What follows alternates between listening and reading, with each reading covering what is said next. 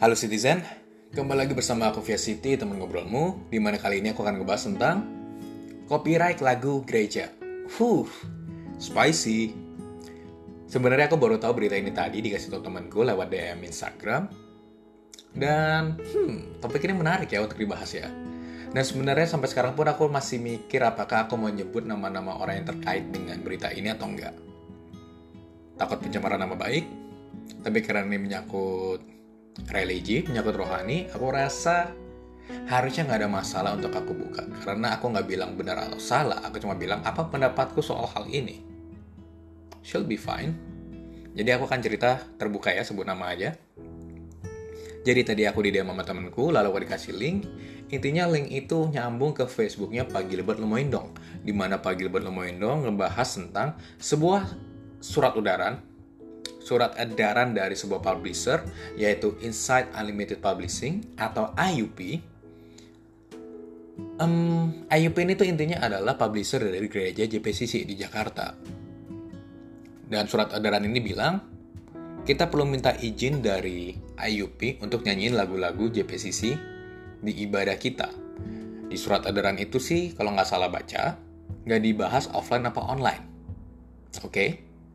Tapi akhirnya terjadi klarifikasi, ada sebuah klarifikasi dari seorang penulis lagunya JPCC yang bernama Pak Frankie Kuncoro. Kalau yang nggak tahu, Frankie Kuncoro itu yang nulis lagu Kemenangan Terjadi di Sini. Biasanya sih yang Kristen pasti pada denger lah ya lagunya Kemenangan Terjadi di Sini. It's a good song. Dan dia bikin klarifikasi di Instagramnya tentang hal ini. Dan berdasarkan klarifikasi dia, dia bilang, kalau untuk ibadah offline, kita nggak perlu minta izin Komsel, pribadi, nggak perlu minta izin sama sekali ke JPCC atau IUP inilah. Tapi, tapi, tapi, tapi, kalau misalnya kita mau pakai lagu JPCC buat ibadah online, streaming di YouTube, kita perlu minta izin. Jadi yang dia bahas adalah ada yang namanya streaming license dan katanya kita perlu streaming license. Lalu dia nyebutin lah beberapa poin. Yang pertama dia bilang peraturan di YouTube mengenai streaming. Yang kedua dia bilang peraturan pemerintah Indonesia mengenai hak cipta. Dan yang terakhir, yang ketiga dia bilang, berdasarkan perundungan pribadi dia sebagai penulis lagu. Jadi ada tiga poin tuh ya. Aku akan ngebahas satu persatu. Yang pertama tentang peraturan di YouTube mengenai streaming. Alasan dia adalah, ini emang peraturan dari YouTube-nya. Bahwa YouTube nggak pandang bulu. Kalau ke detect ada yang pakai lagu mereka, akan di take down videonya sama YouTube-nya. Hmm, emang bener gitu ya? As far as I know, sistem YouTube tuh nggak gitu loh. Emang YouTube bisa ngedetect kalau misalnya kita cover lagu orang, lalu kita upload di YouTube. Dia bisa tahu siapa pemilik asli dari lagu yang kita cover. Syaratnya apa? Publishernya harus daftarin lagunya di YouTube. Nanti akan connect sama YouTube's Content ID gitu loh. Kalau udah terverifikasi, masuk ke YouTube Content ID, kalau ada orang lain yang upload lagunya, akan ke detect, akan dikasih tahu bahwa ada orang yang pakai lagu kita. Jadi sampai sini paham ya? Publishernya itu bisa dibilang harus daftarin dulu lagunya. Nah, kalau udah daftarin pun, nggak berarti akan langsung di take down kalau ada orang yang cover atau pakai lagunya. Sistemnya nggak gitu. Settingan take down tuh bukan dari YouTube-nya, publisher yang nentuin kalau misalnya lagu dia dipakai sama orang lain atau di cover, publishernya mau videonya diapain. Dan ini tuh pilihannya ada banyak teman-teman. Antara lain gitu ya. Yang pertama, bakal di block atau di take down videonya. Yang kedua, akan di restrict penontonnya dari daerah tertentu. Jadi let's say misal dari Indonesia nggak bisa nonton. Kan sering tuh kalau misalnya kita nonton let's say acara Korea di YouTube, biasanya kita dari Indonesia nggak bisa nonton ada tuh beberapa video yang kayak gitu. Nah, yang ketiga, akan di-mute videonya. Jadi videonya akan tetap jalan, tetap ada, tapi lagunya akan hilang, nggak kedengeran gitu loh. Nah, yang keempat, ini yang menarik nih teman-teman. Ada pilihan di mana pemilik copyright itu atau publishernya bisa ngeklaim sebagian besar dari revenue orang yang cover lagunya. Jadi let's say ada orang yang cover lagunya, lalu dimonetisasi. Kita sebagai pemilik copyrightnya, kita bisa klaim tuh eh kok orang ini mainin lagu gua oh kok dia dapat duit dari sini dimonetisasi gua mau klaim ah nah jadi kalau misalnya dia klaim bisa semacam bagi hasil gitu loh. Jadi yang cover bisa tetap cover lagunya, tapi duitnya sebagian besar akan diambil sama pemilik aslinya, bagi hasil. Even crazier, let's say yang cover lagu itu nggak monetisasi video covernya sama sekali. Publishernya bisa masang iklan di video orang yang cover lagu dia, di mana keuntungan dari iklannya itu 100% akan masuk ke publishernya. Dan ini tuh lazim terjadi di YouTube teman-teman. Jadi kalau ada orang yang cover lagu lalu viral, biasa pemilik aslinya tuh nggak akan ngeblok, nggak akan take down. Sayang, mendingan diklaim lah duitnya. Udah dapat marketing gratis, ada orang yang cover lagu dia viral, dia bisa dapat duit juga. Iya dong, mendingan diklaim dong, ngapain di take down. Ini yang biasanya terjadi di YouTube sekarang-sekarang ini. Now the big question is, kenapa JPCC nggak ngelakuin itu aja? Hmm, I don't know. And another fun fact is, as far as I know, copyright strike itu juga tergantung sama publishernya gitu loh. Mau ngasih strike apa enggak. Kalau misalnya yang kayak tadi dia udah terdaftar di YouTube Content ID, dia cuma bisa uh, copy buat take down gitu loh. Dia bisa take down, tapi nggak bisa sampai level copyright strike setaku. Kalau mau sampai level copyright strike, dia harus benar-benar bawa ke jalur hukum Oke, okay? jadi kalau misalnya ini dibilang karena YouTube-nya ini by system, hmm, kayaknya enggak deh. Are you sure ini karena sistem?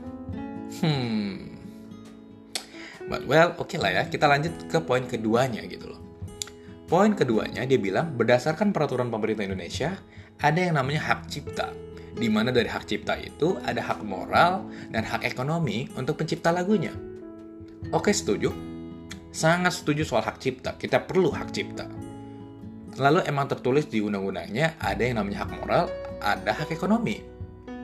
Tapi, tapi, tapi, tapi nih, ada tapinya dong.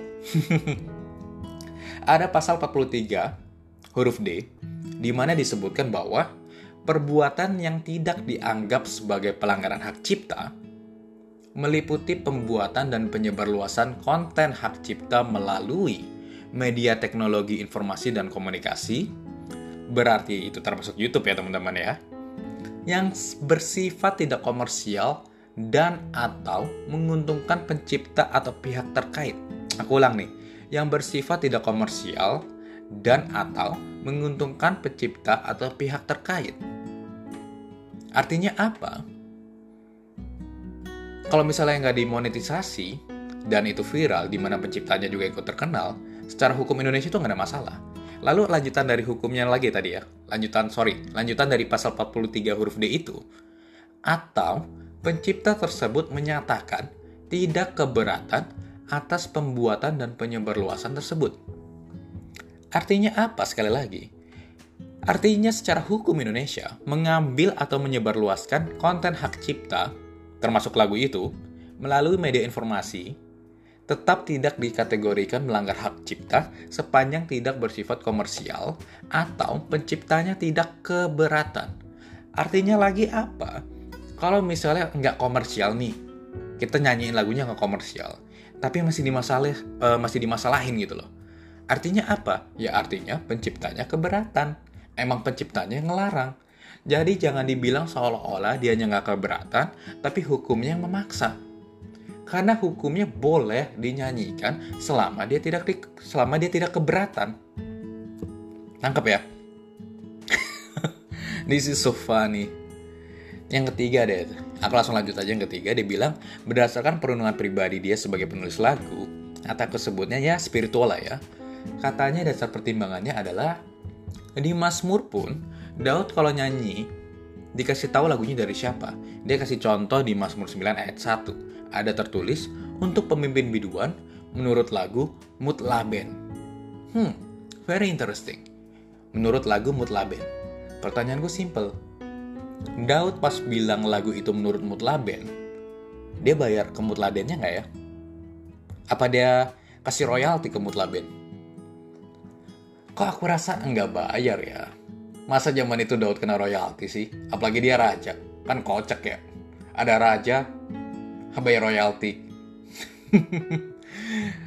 Lagian kalau misalnya mau apple to apple, menurutku ya berarti kan sesimpel kita sebutin aja namanya. Let's say tadi kan yang klarifikasi kan Pak Franky Kuncoro. Kita sebutin aja namanya tiap kali kita nyanyiin lagu dia. Misalnya, um, jadi teman-teman hari ini kita mau nyanyi lagu kemenangan terjadi di sini ciptaan Bapak Franky Kuncoro.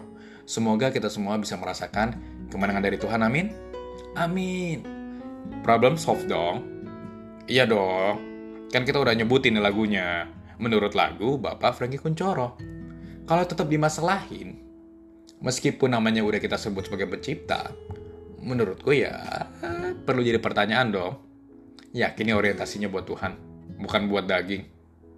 Hmm. Amin let's just be real gitu loh teman-teman. Ada berapa banyak lagu Kristen yang liriknya nyontek Mazmur? Contohnya deh, Mazmur 23. Tuhan adalah gembalaku, takkan kekurangan aku. Itu baru satu lagi utuh itu baru satu lagu dan liriknya plek sama Mazmur 23 ayat 1 sampai 6. Cari aja di internet. Liriknya plek persis. Apa jadinya kalau misalnya lagu itu yang liriknya nyontek persis ayat di Alkitab, Mazmur 23 ayat 1 sampai 6 dipatenin juga. Crazy gak sih? Kebayang gak sih? Kasian banget tuh si Daud. Dia yang bikin lirik, sampai terkenal, masuk di Alkitab, dicontek liriknya nggak dapat royalti maksudku gini loh ah gimana ya frankly speaking menurutku ya kalau emang alasannya adalah daging pun which is duit nggak ada masalah sama sekali kok buat aku nggak ada masalah sama sekali loh tapi ya jujur aja gitu loh bilang aja gini misalnya iya saya keberatan secara daging saya masih mau hak ekonominya sebagai pencipta lagu saya masih mau uang dari royaltinya nggak masalah Wajar kok, namanya manusia. Masih pingin duit, masih ada kedagingan, sama sekali nggak ada masalah, wajar. Tapi kalau misalnya ngomong kayak gitu, itu namanya gentleman. Itu gentle gitu loh. Yang jadi masalah kan kalau misalnya orientasinya adalah daging, yaitu duit, tapi di gaslight, ditutupin, di cover, pakai nama Tuhan lah, pakai nama hukum lah, pakai nama peraturan YouTube lah. For me that's no no. Karena peraturan YouTube-nya nggak gitu kok peraturan hak cipta di Indonesia juga nggak gitu. Apakah aku against sama license? Enggak sama sekali. Ada beberapa license yang justru aku setuju banget. Aku kasih contoh nih banget. License-license yang aku setuju, ada dua.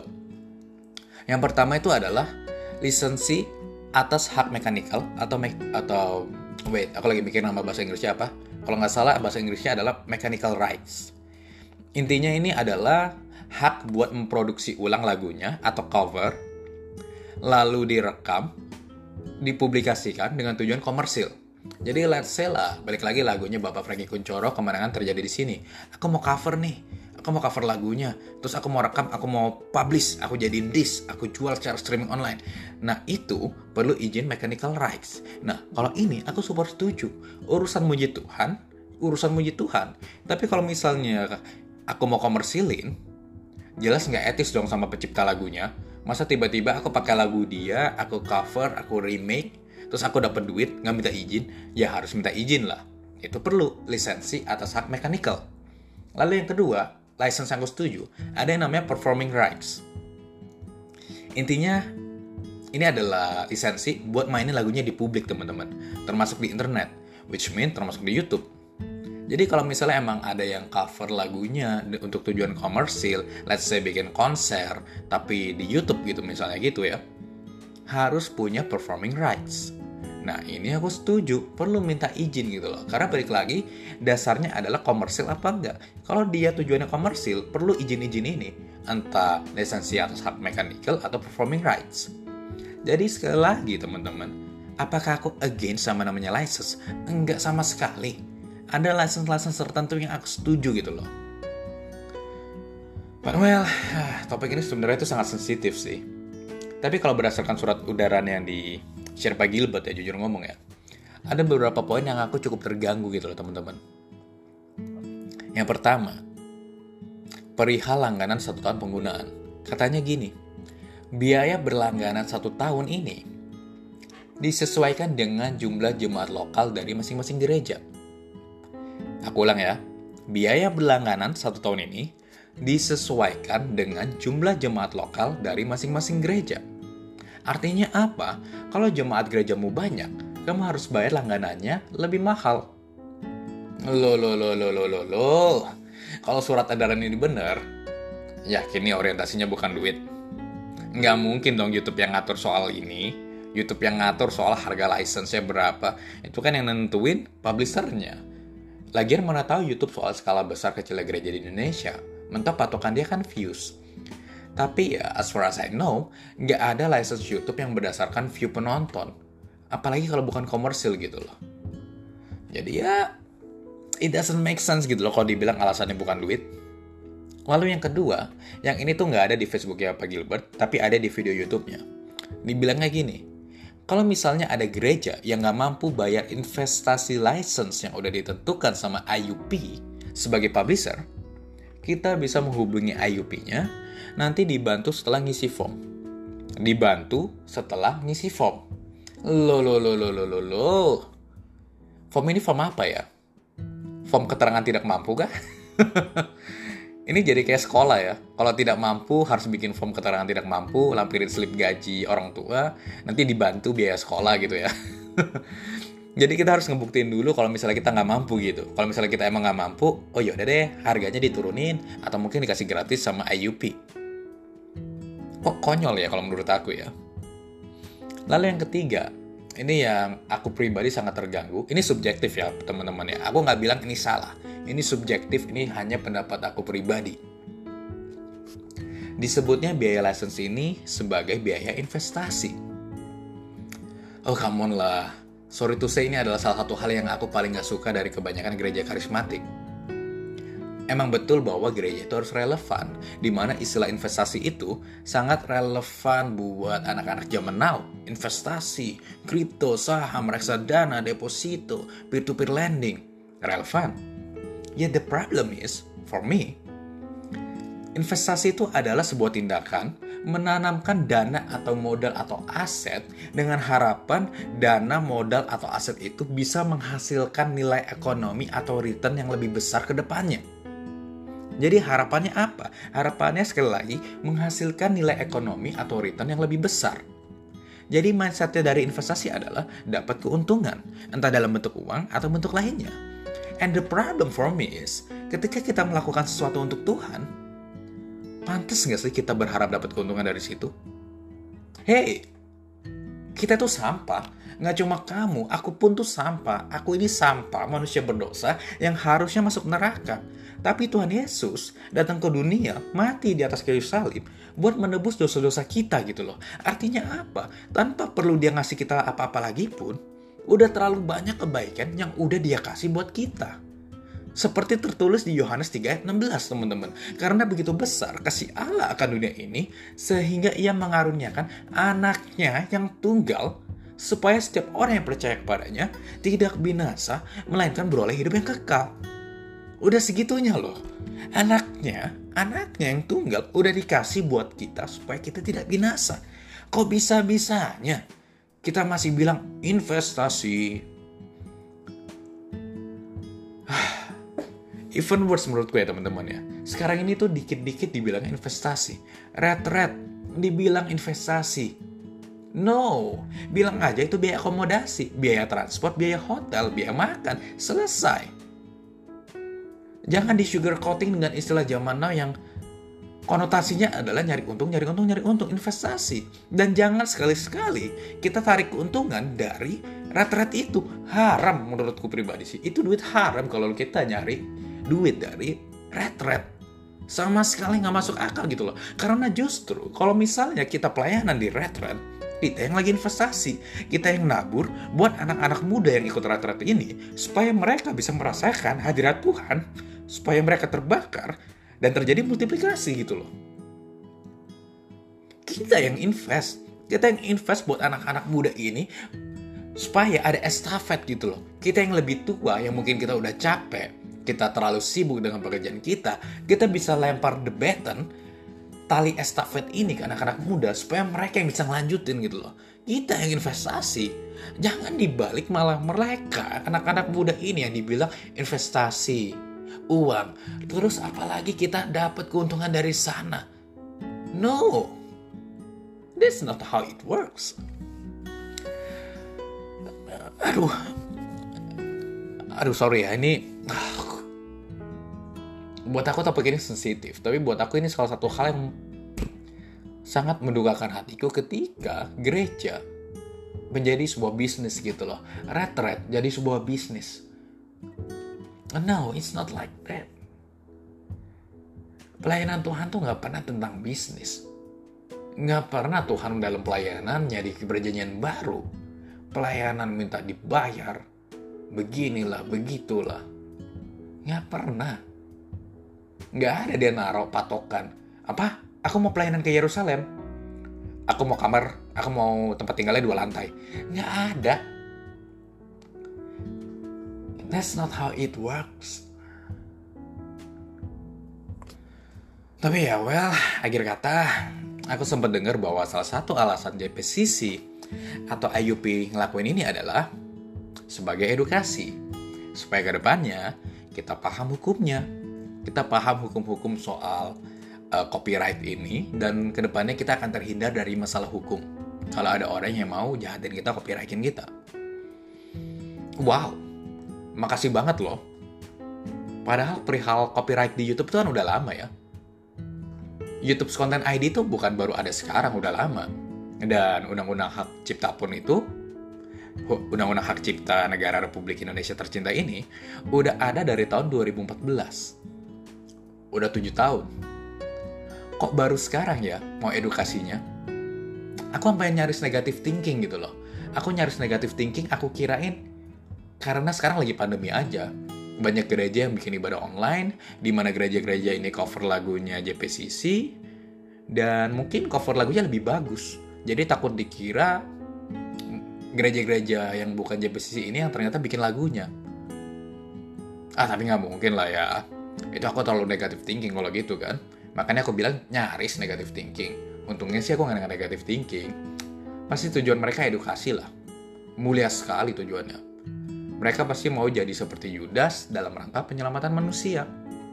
Yudas kan dibenci orang-orang tuh.